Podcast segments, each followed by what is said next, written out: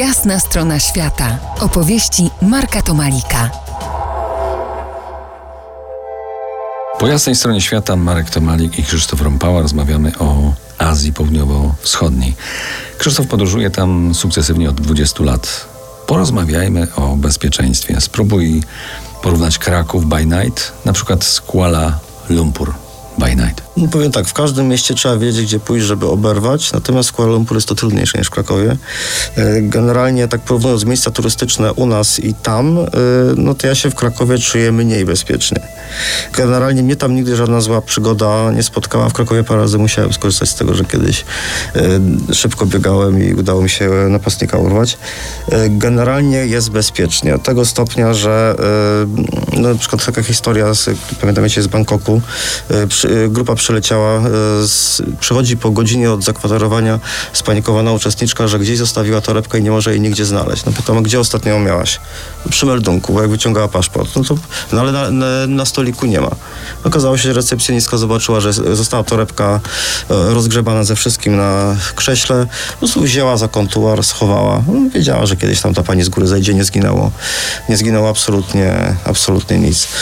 Z drugiej strony też, ja też staram się robić taką rzecz, że jak wrac, że wracam zawsze w te same miejsca, znaczy korzystam z tych samych kierowców, śpię w tych samych hotelach, pensjonatach i tak dalej.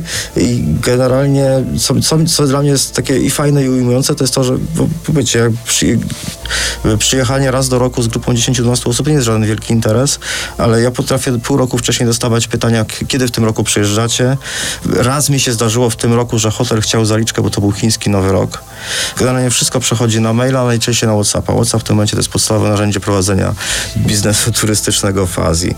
Ludzie są uczciwi i generalnie jak coś, jesteśmy na coś umówieni, to jesteśmy na coś umówieni i musimy spisywać żadnych umów, e, wyszczególniać sobie tak, to w Europie się dzieje. No, generalnie czasem mam wrażenie, że w e, Polsce dużo rzeczy można by z Azji przenieść, jak chodzi o taki stosunek do drugiego człowieka.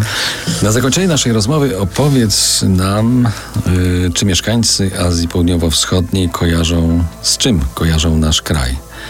Z czym najczęściej nas kojarzą. Najłatwiej, jest o to. Najłatwiej o to jest w Indonezji, bo w Indonezji wiedzą, że w Europie jest kraj, który ma flagę na odwrót, czyli pasek e, czerwony jest na dole, a nie na górze, tak na indonezyjskiej fladze.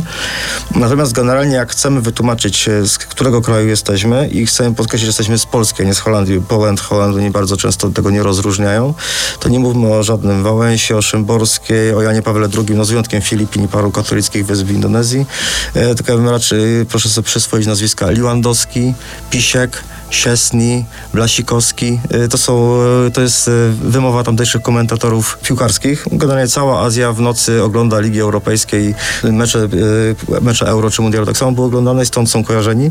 A druga postać, która jest w Azji bardzo dobrze kojarzona, to jest Agnieszka Radwańska. Tak, zwłaszcza, że jej, jej z reguły bardzo dobrze w tych azjatyckich turniejach szła.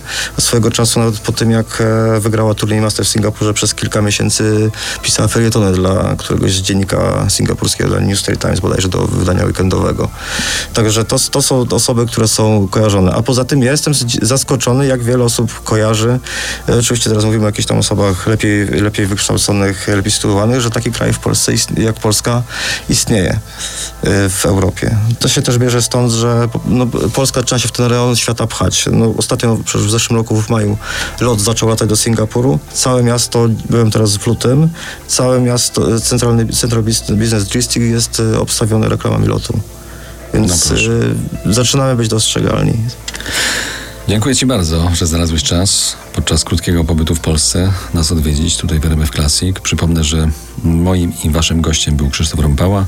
Od 20 lat zafascynowany Azją Południowo-Wschodnią. Kiedyś współtworzył poczytny serwis podróżniczy. Teraz od kilku lat jest przewodnikiem turystycznym po regionie, o którym rozmawialiśmy, czyli po Azji Południowo-Wschodniej. Dziękuję bardzo.